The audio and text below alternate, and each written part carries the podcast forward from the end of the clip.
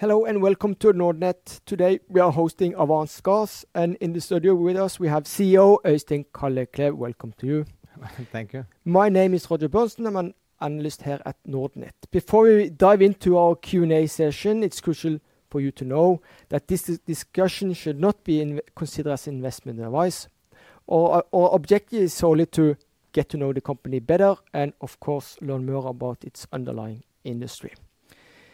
So each question in the Q&A is designed, hopefully, to provide deeper insights into our Avance Gas strategy, uh, operations, culture, and long-term vision.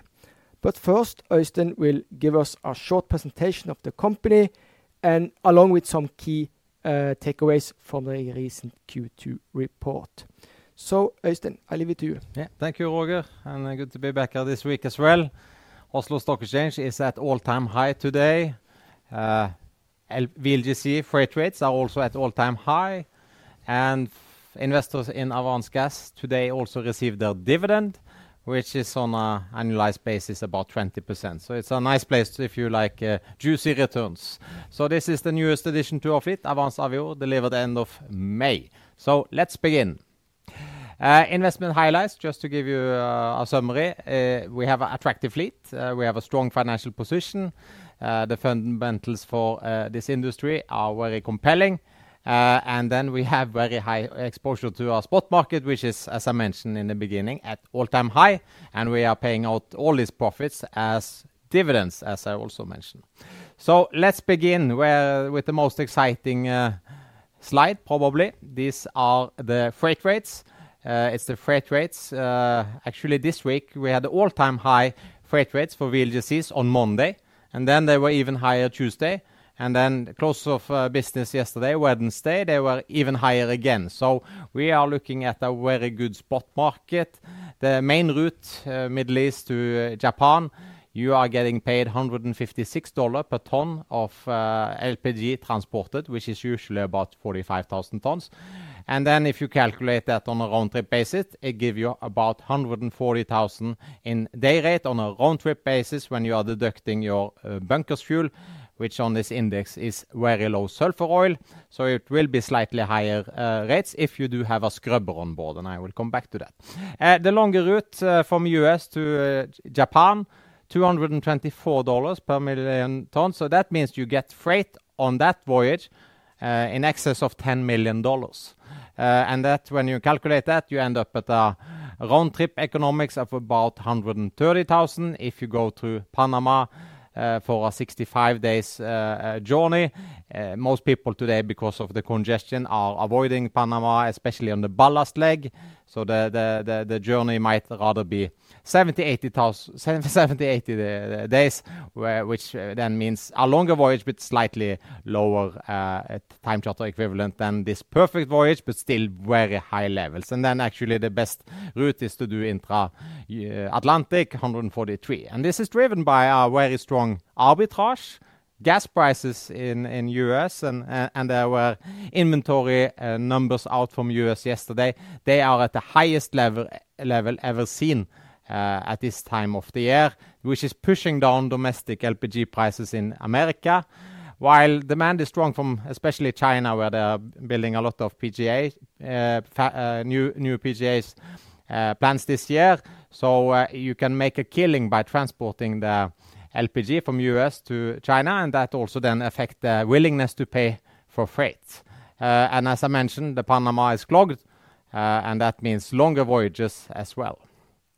Uh, if we look at our fleet, we have done some changes over the last couple of months in the fleet. Last year, we sold three of the older ships, Thetis Glory, Providence, and the sister vessel Promise. Sold at around $46 million-$50 million.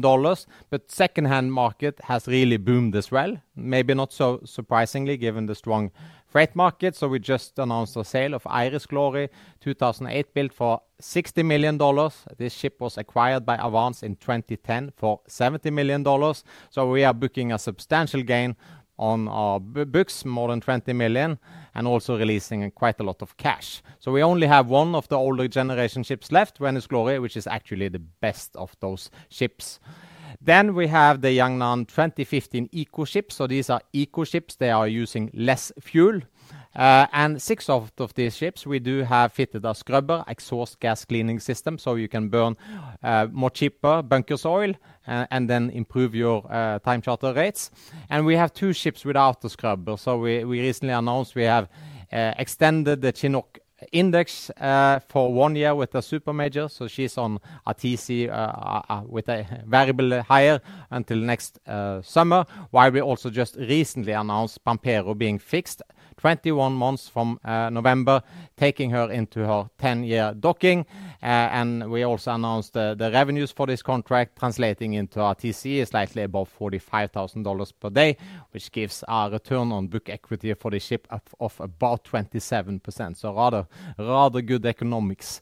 Then we have the new type of ship, the dual fuel class, Polaris and Capella, delivered 2022.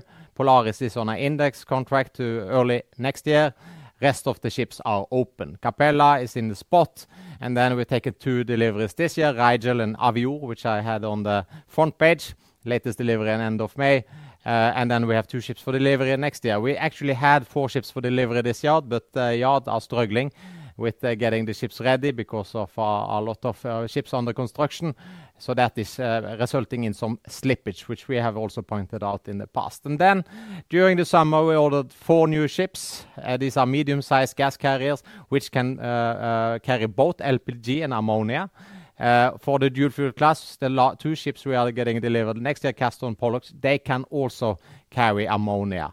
And actually, the two Japanese ships, Venus and Iris Glory, the older ships, they can also have ammonia. So so we are in that sense, with the new type of ships, we are future-proofing it, because then we can carry also ammonia as well as LPG. And we got these MGCs at a very favorable price, uh, compared to Korean-built ships, uh, where we do see uh, Uh, shipbuilding prices for these kind of ships above 70 million, and we paid 61.5 million for each of these ships, with earlier delivery than what is possible to achieve in Korea. So, uh, looking at uh, our dividend strategy, we have been ramping up. Uh, of course, this year has been fantastic.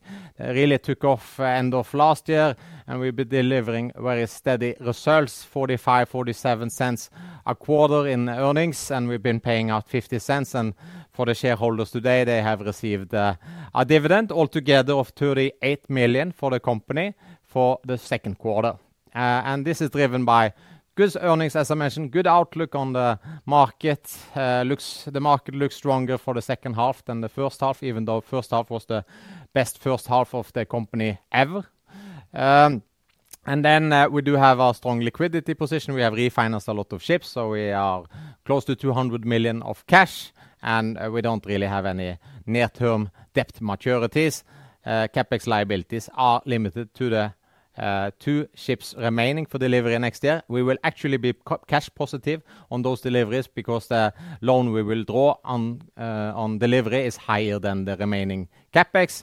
Uh, we do have already paid some CapEx now on the MGCs. So, if you look at the income statement, as I mentioned, $0.40, $0.47 of earnings, both Q1 and Q2, $36 million, 72 million for the first half of the year, Uh, being a fantastic first half of the year. And we do expect second half to be better, driven by better uh, rates. Uh, balance sheet, very simple. We own these 20 assets, some of them under construction, or six of them under construction, rest on the water, one for sale, and then a good cash balance of $192 million. And, you know, a leverage ratio, which is, you know, reasonable. It's actually, you know, very nice to have leverage when you have a good market, because then you can magnify your returns. So, uh, just a short bit on the market. Uh, you know, we have a very good, healthy growth. It's driven by the two main areas, North America, which has become the biggest uh, exporter, Uh, and then the Middle uh, East, where we also do see strong uh, export growth. You would maybe think that OPEC cuts would result in slower growth from Middle East, but keep in mind that this is mostly for Saudi Arabia, which is a big oil producer.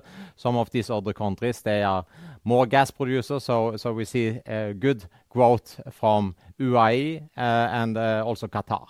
Uh, import side, China is, uh, despite uh, somewhat slow economic recovery given after the scrapping of the COVID rules, they are really importing a lot, driven by all these new plastic fabrics, plastic factories, as I mentioned. India, also stable, good market, and then Europe has been buying more VLGC cargoes from Europe to supplement for the lost smaller parcels and train cargoes from Russia.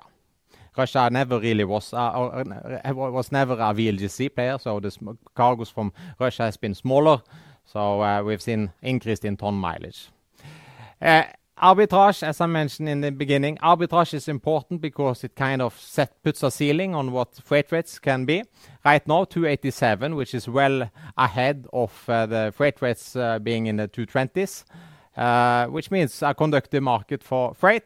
And then next year, still pretty decent uh, average arbitrage in the future market of 206, which should give uh, uh, good earnings. And the FFA or the paper market for freight next year is at around $60,000 per day, which, you know, we will be generating quite a substantial cash flow if we are to achieve that. So, and there is a very strong correlation between the arbitrage and freight levels. This is just pure economics. So, uh, then Panama Canal, I also touched upon this. It just showed uh, the volatility in waiting days. They go up and down, uh, and a lot of congestion happen now also because of increased traffic and a drought in Panama, the worst since 1940 when the canal opened, and that has resulted in uh, the uh, canal increasing the numbers of auctions, and auction price has really skyrocketed. We saw 2.4 million being paid for one way recently on top of the regular fees, so we are approaching $3 million and might break the record from November last year, where 2.6 million was paid for uh, in order to kind of uh, uh, jump the line. Um, and then this is, of course, driving then sailing distance. People are especially ballasting ships from Asia via Suez, and some are also doing the laden leg via Cape of Good Hope. And as you can see here on these numbers here, it really drives up sailing distance and less ships are then available in the market. And last slide before jumping to the Q&A is the order book. Uh, almost every analyst this year was super bearish on the market because you do see quite a lot of ships for delivery in 2023. Uh, despite this, we have seen the best market since uh, 2014.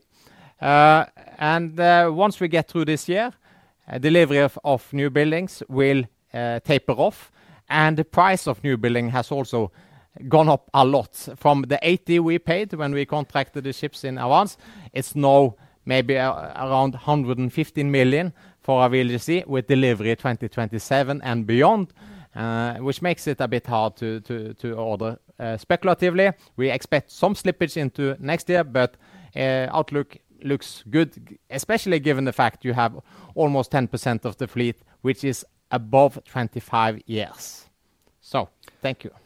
Yes, thank you, Øystein, for the presentation. Now, let's move uh, on to the Q&A session. I've prepared some questions. Yeah. Five in total. You or ChatGPT? Uh, yeah, uh, ChatGPT is my assistant. So hopefully, I have triggered ChatGPT to to come up with the best possible answers, questions for you. Yeah, let's see. So, first of all, I would like to talk a little about uh, simplicity uh, within your business. I also want to touch upon external risk, uh, geopolitics, and also, we have a question concerning long-term stability hmm. of your business. Touch upon um, the relationship you have with the board. And finally, we want to talk a little bit about financial stability. Hmm. There is, uh, yeah, if there are any uh, recession risk uh, out there and how it will- Seems like we have a lot of ground to cover. Yeah. So, okay. Um, simplicity can often be a virtue. Streamlining operation can reduce cost, improve efficiency, and make it easier easier to focus on what truly matters. Also, so my question is: Is it is it possible to simplify operations even further? Hmm. Uh, I guess you have a very simplified operations. Uh, is it possible to to, uh, to simplify further and and um, and thereby improve performance? Yeah, I think in the past, John John Fredriksen, he was a mm, relatively small shareholder of this company, around 9%. And then uh, you know, we liked the company, and we, uh, he bought into it uh, to a greater degree. And and then we took the company from outside, and we put it into the kind of JF umbrella. And then we streamlined the company because we can put it into our system, which is plug and play, where you have shared services for a lot of you know, like technical, insurance, HR, IT, you mm. name it. So we really kind of uh, trimmed the company today. We have two listed peers. Um, uh, there are three uh, big public VLGC owners. So if we just compare it to uh, the other public peers, we are the smallest in terms of market cap, uh, which in, you know, if you have done economics, there's something called uh, economies of scale. So if you have a bigger fleet, you don't need to have more management necessarily. So you should be able to deliver lower cost with a bigger fleet. That's not the case. So let's uh let's refer to the other two competitors as Company B and Company D. So if you look at the OpEx, OpEx Q2 was $8,000 per day, eh, slightly higher in Q1. So on average, about $8,300. Eh, then on top of your OpEx, you have general administration costs. Our general administration costs, which is management and eh, house rent, all this mm-hmm. stuff, is about $1,000 per day for you know when you spread it out on the ships. So okay, how does this compare? So $8,200 is very similar to the eh, pair number B, but it's 2,000 less than pair D. Both of these companies have bigger fleets. G&A, $1,000. The others have about eh, G&A cost of about $4,000 eh, per day, even though they're bigger fleet. So we are thus about $3,000 more efficient than pair number or per B and $5,000 a day better than per-D. So how is that? You know, we have the smallest fleet, but still we are um, much better in terms of cost. And that's because we are plugged into our system where we are running 250 mm. ships. Uh, and we have an owner who's really focused on cost because $5,000 a day, you know, it maybe it doesn't really matter that much in a good market, but when markets are poor, you know you really want to save $5,000 a day for sure. So so I think that we are definitely the most efficient VLGC operator, at least which is our publicly listed company. Mm. There are some costs entailed with being publicly listed, you know, reports and auditors and all this stuff. So you know, there might be private owners who have a cost competitiveness similar to us, but uh, not in the public space. Yeah, so in in the end, the the simplicity of your business is crucial, especially when the market uh, becomes less less favorable. Yeah, and we don't have a lot of directors running around on business class everywhere trying to you know invent a job. You know, we are very slim. Yeah, uh, well said. Uh, my second question, is about external risks. So we live in a world where geopolitical events such as trade wars, we have regional conflicts going on and political upheavals. These uh, factors can have immediate and far-reaching impacts on every type of business, uh, I guess your uh, yours as well. Hmm. How geopolitics factor into your strategy decision? I think in terms of geopolitics, it's been in LPG, it's been a less an issue in terms of, uh, especially VLGCs, less an issue of uh, Russian volumes, which has been a big issue in the tanker space, um, both products and crude. Uh, it's less of an issue in VLGC because Russia is a very small LPG producer, not the LPG producer, but the LPG exporter. I see. So all the cargo has been on smaller type of ships. They have had a bit of a downturn, but Eh, corrected now because of ton mileage making up for lost volumes. Eh, on the VLGC, it's really no effect except for a substitution effect where suddenly Europe is importing more VLGC cargoes from America. Eh, I think a Uh, another element is, of course, what we call the dark fleet, which is also very prevalent in the tanker space, where you have close to 10% of the fleet today in such uh, dark uh, trade, where they are transporting then mainly the LPG from Iran to China. Uh, so that's why you also see 10% of the fleet is above 25 years because a lot of these older ships are doing such trade. So it has thus affected the kind of scrapping because scrapping has been suboptimal because ships are living a second life in this uh, uh, sanctioned market. Uh, so yeah, geopolitics certainly Yeah. affect, and it's also you remember LPG is a very easy fuel to use, so it's also a very easy fuel to use for substitution. If you have your barbecue at home, you know you, you, you, it's much easier to store and use than LNG, so you can uh, easily substitute either LNG or coal with LPG. So then the kind of the energy space will always affect also the LPG space. Yeah, you you started the the presentation by uh, the, the the Norwegian or the Oslo Stock Exchange is at all, record all, all time high. Yeah.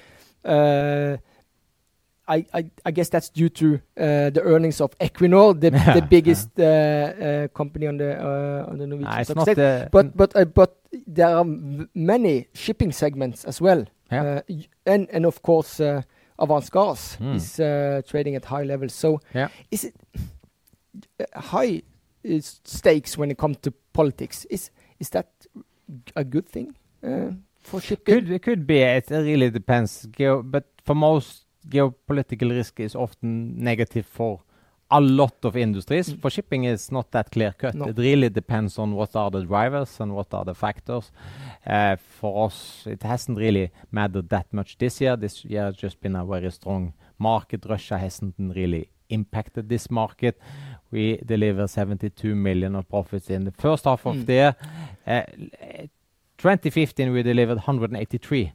So we have 72 now, first half of the year. We've done a sale where we're going to generate 22 million.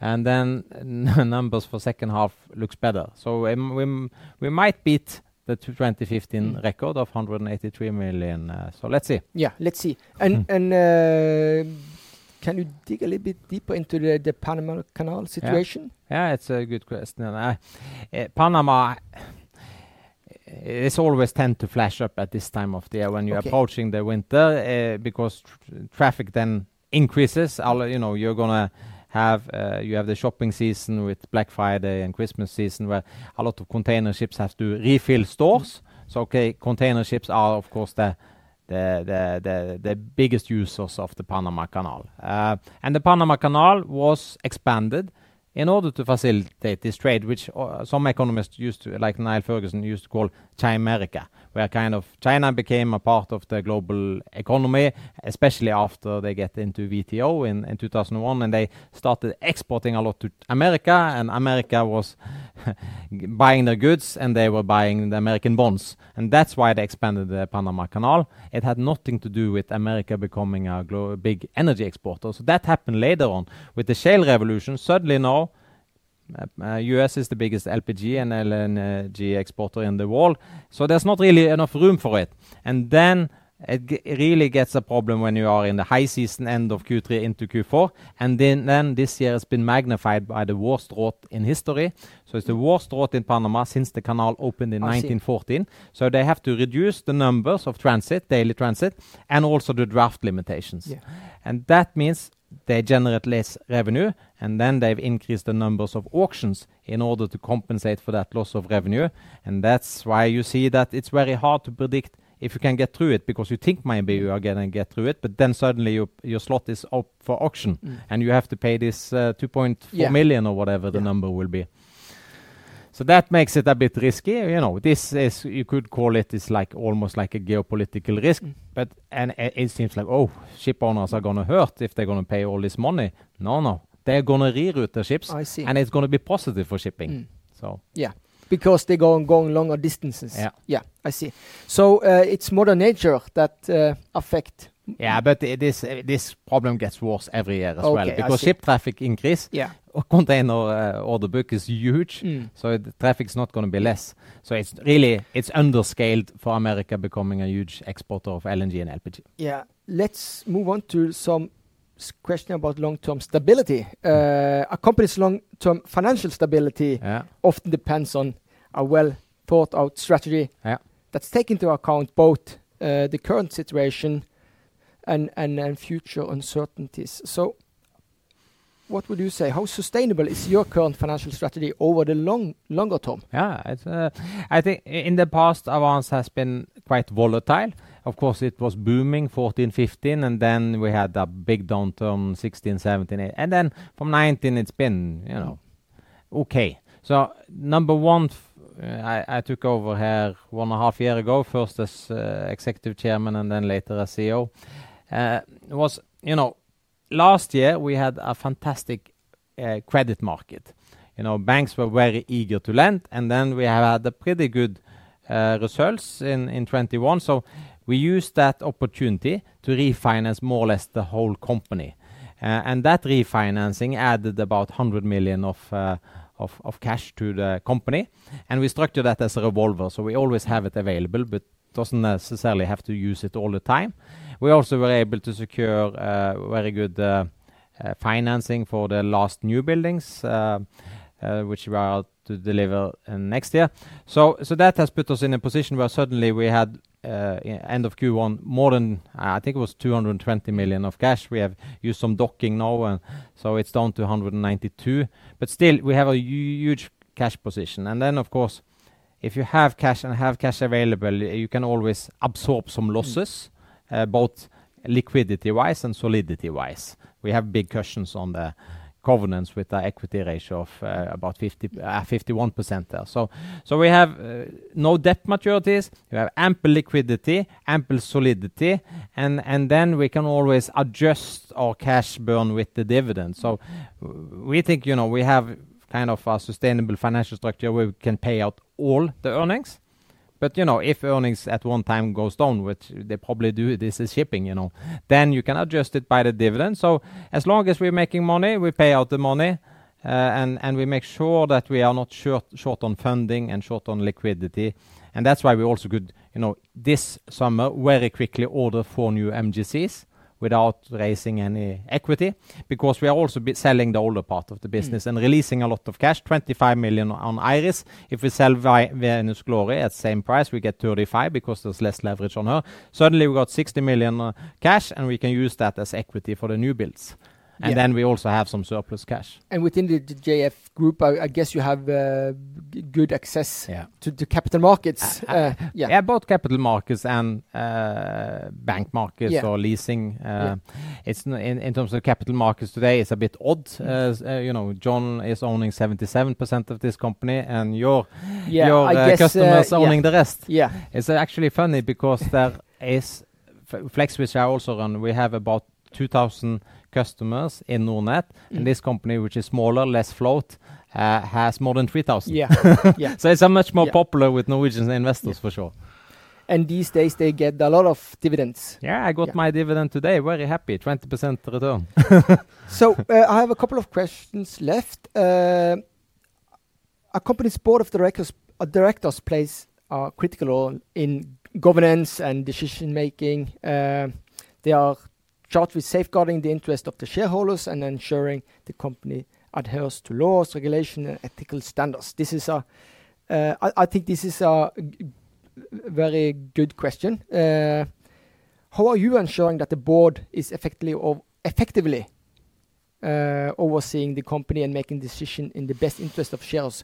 I guess the distance the board in the uh, group and and you as CEO Yeah. is quite uh, yeah, we have a bit uh, special situation now because I'm also a board member. Yeah. I used to be the chairman, but uh, today we, we have a board, but we have a very slim board. Mm. It's it's me and uh, Catherine, which is the daughter of John, and then we have a guy called James O'Shaughnessy, which is uh, sitting in Bermuda. Is very good on uh, the accounting side and uh, part of the audit committee. And we have Francois Sunier, who's been on the board a long time, has a good uh, expertise on the industry.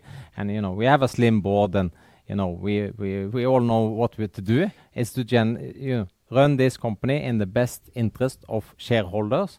And certainly we do have a good incentive to do that. Uh, main shareholder owns 77%. So in, in one sense, this is like having a equity participation in a private equity company, but where we don't use a lot of money on admin, and where you don't pay a 2% fee for uh, being in that uh, private equity fund, and we don't have like we take 20% of the profit. So it's actually you know the, probably the best private equity fund uh, in the world. You get to invest with the best ship owner probably in the history, and you, we're not taking any fee for that. You participate on the same basis as him. Uh, and we have certainly a lot of incentives to, to work for the shareholders here. Yeah, so the talent in every department is uh, they kn- they know how to to run the operation. Yeah, for sure. Yeah.